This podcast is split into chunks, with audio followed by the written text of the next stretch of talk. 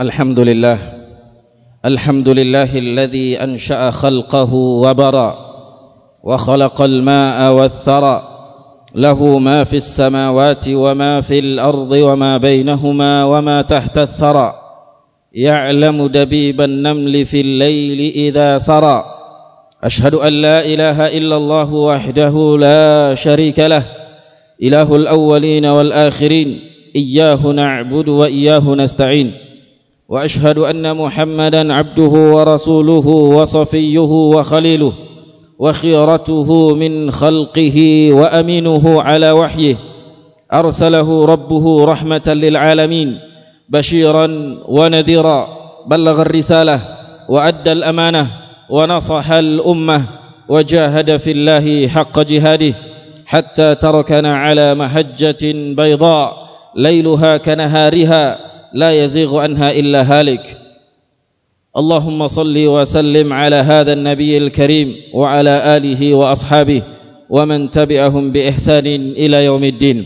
قال الله تعالى في كتابه الكريم يا أيها الذين آمنوا اتقوا الله حق تقاته ولا تموتن إلا وأنتم مسلمون.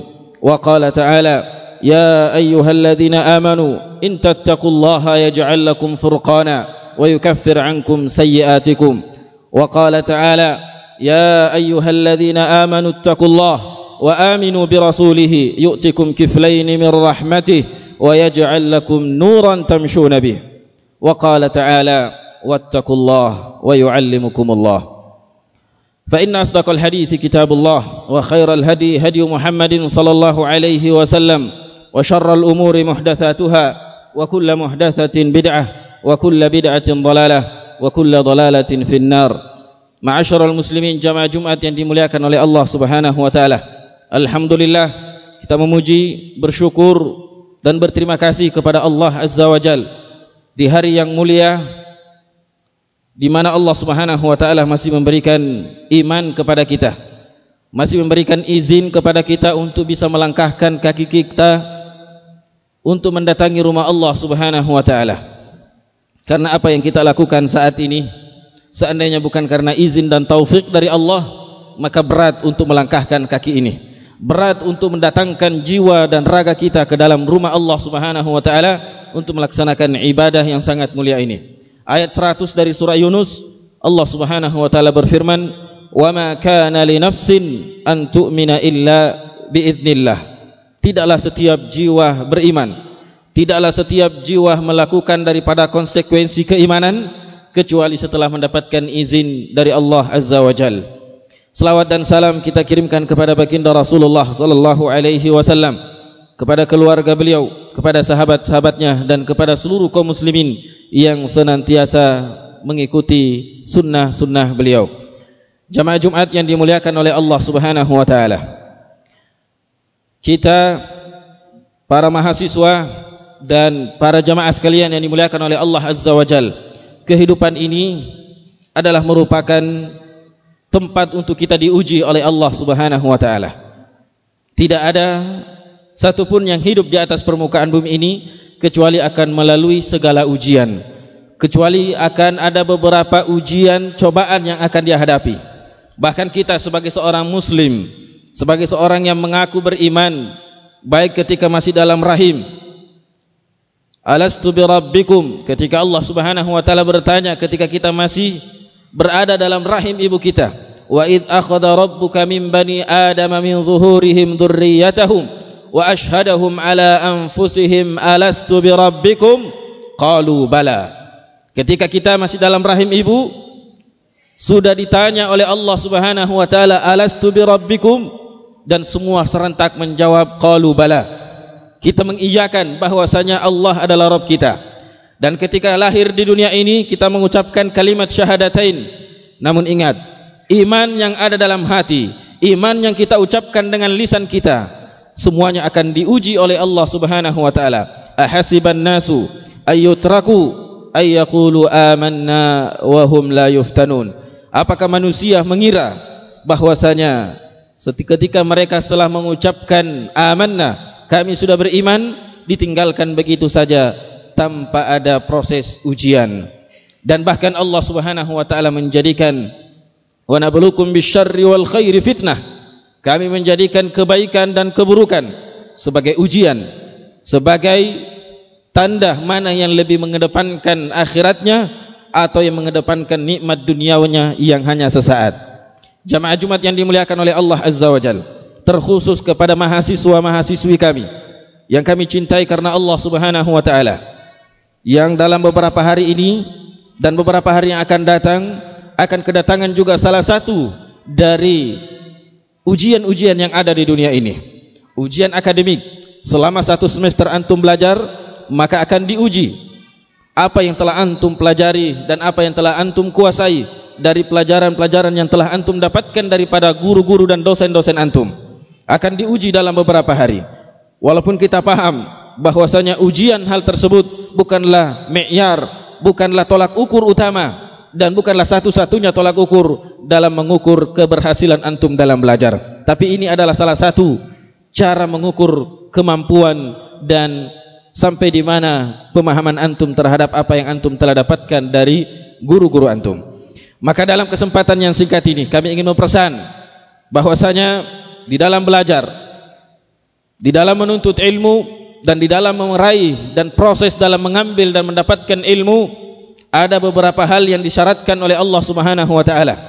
Ada beberapa hal yang dipesankan oleh Allah Subhanahu wa taala kepada kita, siapapun kita di dalam belajar, di dalam menuntut ilmu. Yang pertama adalah takwa kepada Allah Subhanahu wa taala. Al-ilmu dan takwa memiliki keterikatan dan keterkaitan yang tidak bisa tidak bisa dipisahkan. Berulang-ulang Allah Subhanahu wa taala menyebutkan dalam Al-Qur'an betapa antara takwa dan ilmu saling berkaitan dan saling terikat yang tidak bisa dipisahkan. Ayat 282 dari surah Al-Baqarah, 29 dari surah Al-Anfal dan 28 dari surah Al-Hadid. Ayat 282 di ayat terpanjang yang ada dalam Al-Qur'an. Di penghujung ayatnya Allah Subhanahu wa taala mengatakan, "Wattaqullaha wa yu'allimukumullah." Bertakwalah kepada Allah Subhanahu wa taala, maka insyaallah Allah akan memudahkan bagi anda untuk mendapatkan dan meraih yang namanya ilmu.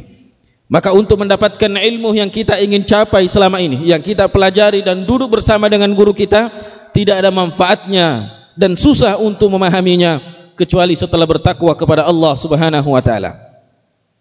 Dan di dalam ayat surah Al-Anfal ayat 29 Allah Subhanahu wa taala jelas mengatakan, "Ya ayyuhalladzina amanu in tattaqullah yaj'al lakum furqana wahai orang-orang yang beriman jika kalian bertakwa kepada Allah yaj'al lakum furqana maka Allah akan berikan kemudahan untuk kalian memilih mem, untuk kalian memiliki sealat yang dengannya bisa membedakan mana yang hak dan mana yang batil al-furqan dalam ayat ini susah untuk ditafsirkan kecuali dengan ilmu kita berat untuk menafsirkan kata al-furqan yang kita pahami maknanya adalah pembeda kecuali dengan ilmu. Seseorang tidak akan mungkin bisa bertakwa kepada Allah Azza wa Jal kecuali setelah dia berilmu.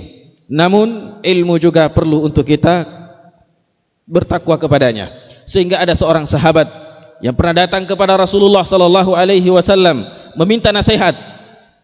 Karena sudah begitu banyak hadis yang didengarkan, begitu banyak ilmu yang sudah didapatkan, tapi khawatir jangan sampai dia sekarang menghafal hadis hadis ke-19 tapi dia lupa hadis yang pertama dia sekarang menghafal hadis yang ke-40 tapi dia hafal lupa hadis yang ke-10 sahabat ini datang mengadu kepada Rasulullah SAW karena mengkhawatirkan apa yang dihafalnya dilupa dengan hafalan-hafalan baru maka Rasulullah SAW menasihatkan kepadanya ittaqillaha fima ta'lam bertakwalah kepada Allah Subhanahu wa taala terhadap apa yang kita sudah pelajari karena memang Tujuan dari ilmu yang kita pelajari adalah untuk meningkatkan rasa takut kita kepada Allah Azza wa Jal. Al-ilmu laysa bikathratir riwayah. Innamal ilmu al-khasyah. Ilmu itu bukan dengan banyaknya riwayat yang kita hafal. Bukan banyaknya perawi-perawi dan jalur hadis yang kita ketahui. Tapi al-ilmu adalah yang bisa mendatangkan kekhusyuan dan ketakutan murakabah kepada Allah Subhanahu wa ta'ala.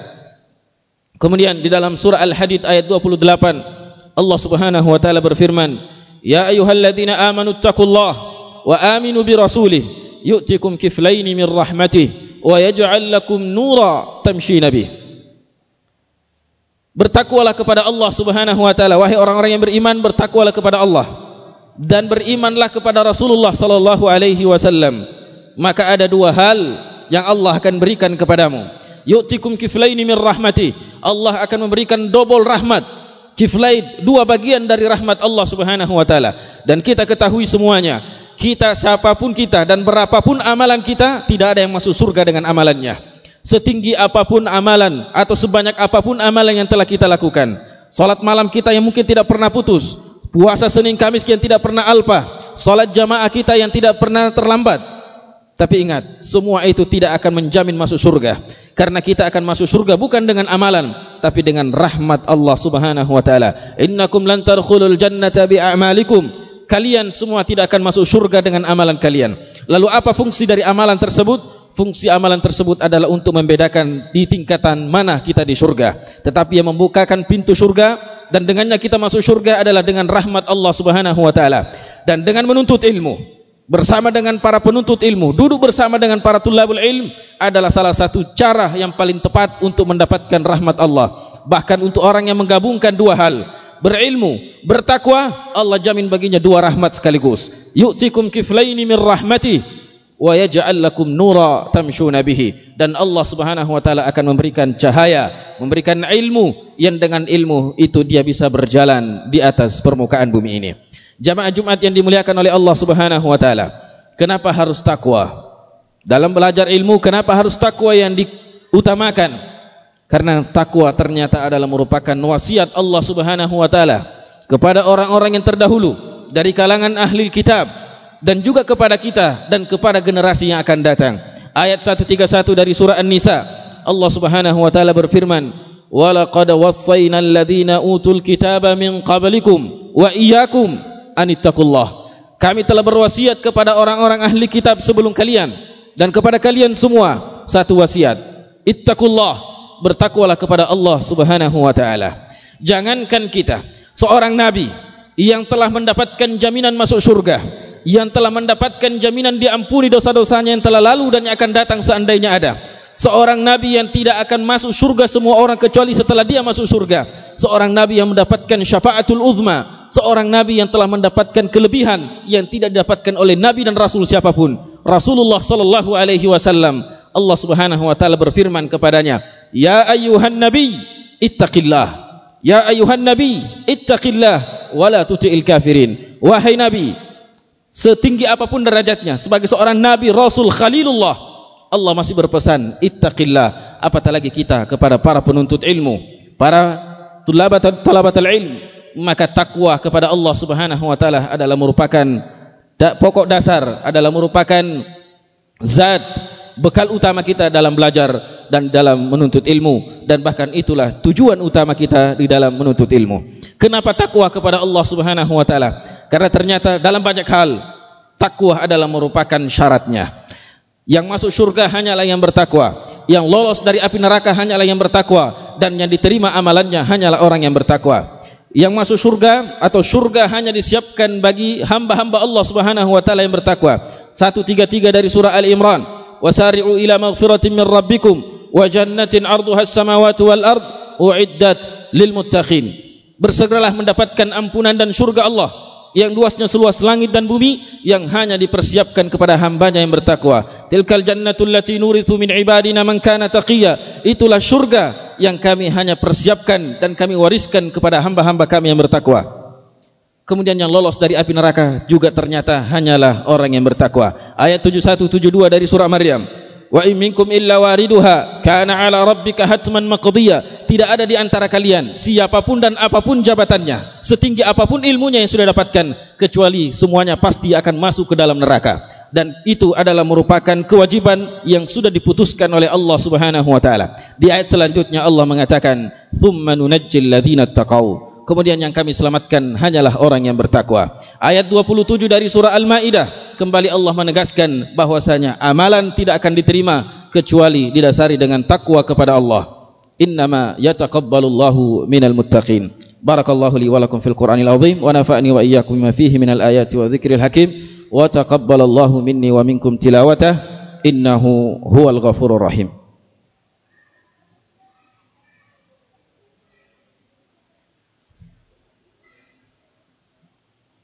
الحمد لله الحمد لله الملك القهار العزيز الغفار مدبر الأمور كما يشاء ويختار مكور النهار على الليل ومكور الليل على النهار تبصرة وتذكرة لأولي القلوب والأبصار.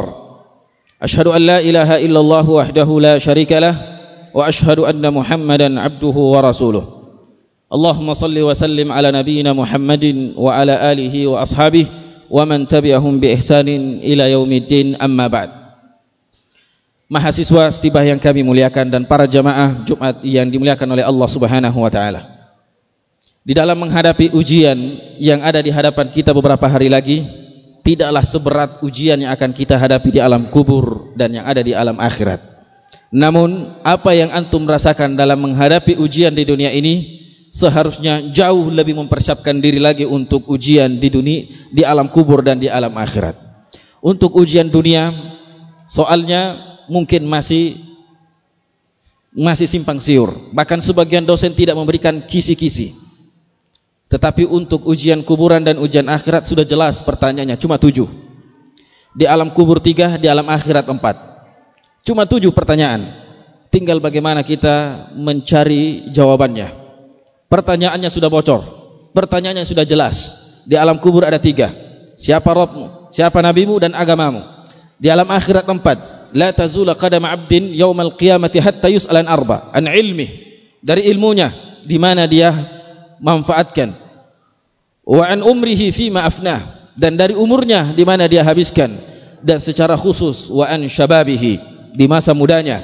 Apa yang dia lakukan di masa mudanya dan yang terakhir wa an malihi min aina iktasabah wa fima anfaqah dari mana dia dapatkan dia ditanyakan tentang hartanya dari mana dia dapatkan dan dari mana dan ke mana dia habiskan ini tujuh pertanyaan di alam kubur dan di alam akhirat sudah jelas pertanyaannya tapi untuk ujian kita di akademik pertanyaannya masih simpang siur maka untuk persiapan akhirat harusnya kita lebih jauh lebih siap daripada persiapan ujian yang sifatnya duniawi. Namun sebagai kita sebagai seorang muslim saling mengingatkan di dalam belajar tentunya ada beberapa hal yang perlu untuk kita pahami. Pertama yang sudah kami sebutkan di khutbah pertama bertakwa kepada Allah Subhanahu wa taala. Yang kedua berdoalah kepada Allah Azza wa Jal agar Allah Subhanahu wa taala memberikan kemudahan.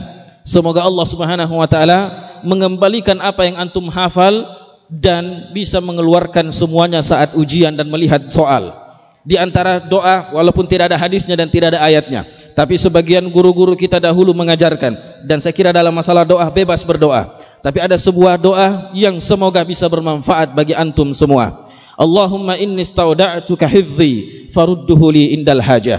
Ya Allah aku simpan dan aku letakkan hafalanku semuanya kepadamu, maka kembalikan hafalan itu di saat saya membutuhkannya. Kembalikan apa yang saya sudah hafal selama ini di saat saya membutuhkannya. Dan Allah subhanahu wa ta'ala adalah zat yang paling baik di dalam menyimpan apa yang kita simpan. Maka berdoalah kepada Allah subhanahu wa ta'ala. Dan yang ketiga, persiapkan baik-baik. Jauh sebelum ujian itu datang. Lihat jadwal, lihat jamnya dan jangan ada yang salah jangan sampai antum mempersiapkan diri untuk mata kuliah tertentu dan ternyata besok ujiannya adalah mata kuliah yang lain. Karena walaupun antum sudah 100% persiapan tapi bukan itu yang ditanyakan, juga tidak akan mungkin bisa semaksimal seandainya antum mempersiapkan dan memperhatikan semuanya jauh lebih uh, sebelumnya. Maka jamaah sekalian dimuliakan oleh Allah Subhanahu wa taala, ini di antara beberapa hal yang perlu diperhatikan dan jadikanlah ujian yang ada di dunia ini sebagai pelajaran untuk persiapan ujian yang akan datang di akhirat di akhirat kelak nanti. Semoga Allah Subhanahu wa taala memberikan taufik hidayah dan kekuatan kepada kita dan semoga Allah Subhanahu wa taala memberkahi ilmu yang kita dapatkan dan memberikan kepada kita ilmu yang bermanfaat dan memberikan manfaat terhadap ilmu yang kita sudah dapatkan.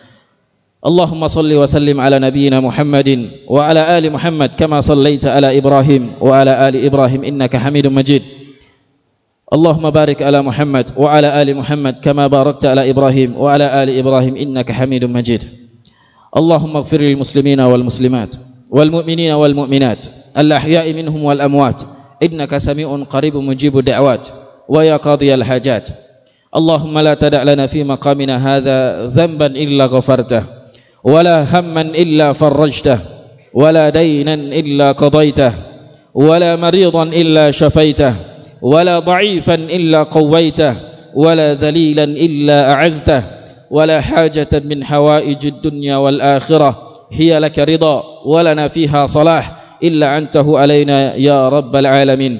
اللهم لا تنقضي هذه الأيام إلا وقد أعطيت كل داع دعاءه وكل طالب ما يتمناه وأعظم ما نتمناه رؤية وجهك الكريم في الجنة يا رب العالمين. اللهم أرنا الحق حق ورزقنا اتباعه وأرنا الباطل باطل ورزقنا اجتنابه. اللهم إنا نسألك الهدى والتقى والعفاف والعفاف والغنى. اللهم رزقنا التقوى. اللهم رزقنا التقوى. اللهم يا ربنا أنت ربنا لا إله إلا أنت سبحانك إنا كنا من الظالمين. ربنا اغفر لنا ولوالدينا وارحمهم كما ربونا صغارا. ربنا آتنا في الدنيا حسنة وفي الآخرة حسنة وقنا عذاب النار. عباد الله إن الله يأمر بالعدل والإحسان وإيتاء ذي القربى وينهى عن الفحشاء والمنكر والبغي. يعظكم لعلكم تذكرون. ولذكر الله أكبر والله يعلم ما تصنعون. قوموا إلى صلاتكم.